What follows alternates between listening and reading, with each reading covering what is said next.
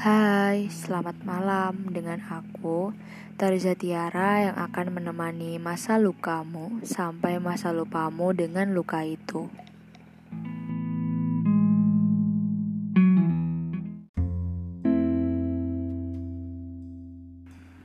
Pernah gak sih kalian suka sama seseorang yang awalnya benar-benar kayak gak mungkin aja gitu bukan gak tertarik sih tapi lebih ke sama dia itu sesuatu yang gak kepikiran sama sekali di awal.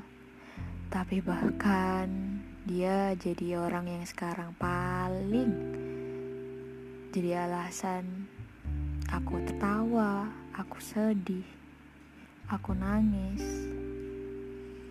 Ya awalnya yang dari aku nggak kepikiran sama sekali buat suka sama dia makin ke sini makin aku suka merhatiin diam-diam mungkin karena dia orangnya lucu kali ya. Dia juga suka nggak jelas gitu. Jadi kayak ya ya gitu dah.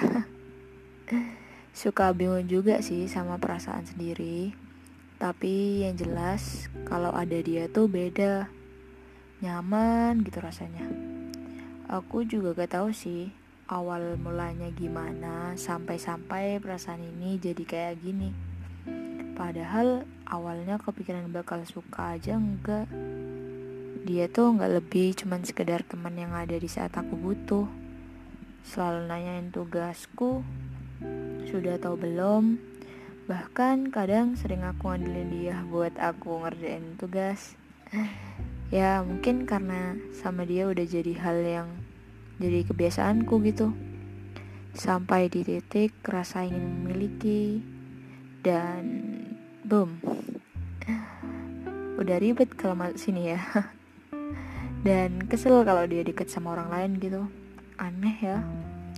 Tapi gak tau lah rasa ini ngalir aja gitu tanpa ada yang ingin, tanpa diminta bahkan. Tapi aku yakin semesta punya alasan kenapa aku dipertemuin sama dia. Karena aku percaya nggak ada sesuatu hal yang sia-sia. Pasti ada alasan di balik semua ini. Walaupun ninggalin luka, tapi ya Mungkin ini proses pendewasaan.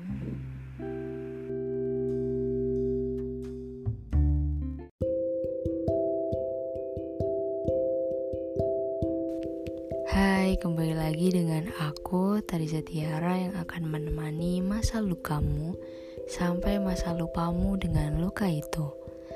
Hmm, lama ya udah nggak pernah ngerekam pikiran sendiri.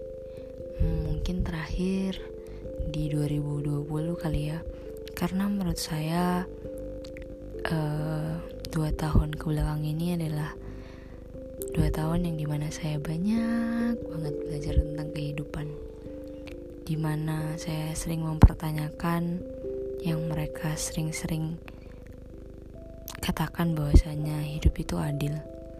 Tapi menurut saya entah adil yang dari mana yang mereka maksud. Tentang si jahat yang tetap tertawa riang meski telah menindas,